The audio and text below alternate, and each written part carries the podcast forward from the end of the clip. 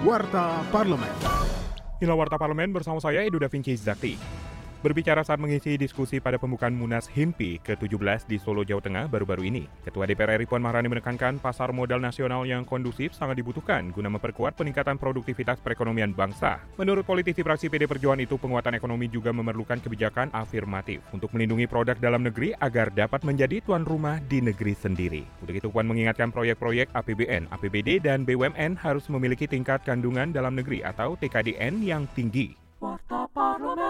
Dalam rapat kerja dengan Menteri Agraria dan Tata Ruang atau Kepala BPN, anggota Komisi 2 DPR RI Endro Siswantoro mengingatkan pentingnya digitalisasi karsipan pada Kementerian ART BPN guna mempermudah penyimpanan data. Kemarin sudah kita bicarakan masalah digitalisasi dokumen kearsipan. Ini kalau kita masih hard copy semacam ini mengandalkan kertas tanpa paperless itu, ini keluhan-keluhan masalah tempatnya terbatas itu menjadi meningkat.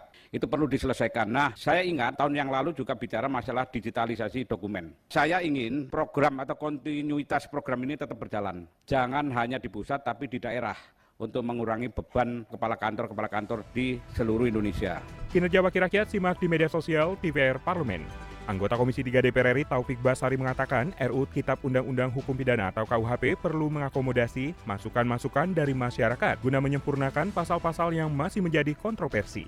Legislator fraksi Partai Nasdem itu mengungkapkan pembahasan RKUHP masih tahap pengkajian isu-isu krusial, salah satunya pasal-pasal terkait demokrasi dan kebebasan berpendapat. Menurut Taufik, bebas berpendapat itu harus memiliki pengertian yang jelas dan terbatas agar tidak menjadi tumpang tindih di kalangan masyarakat.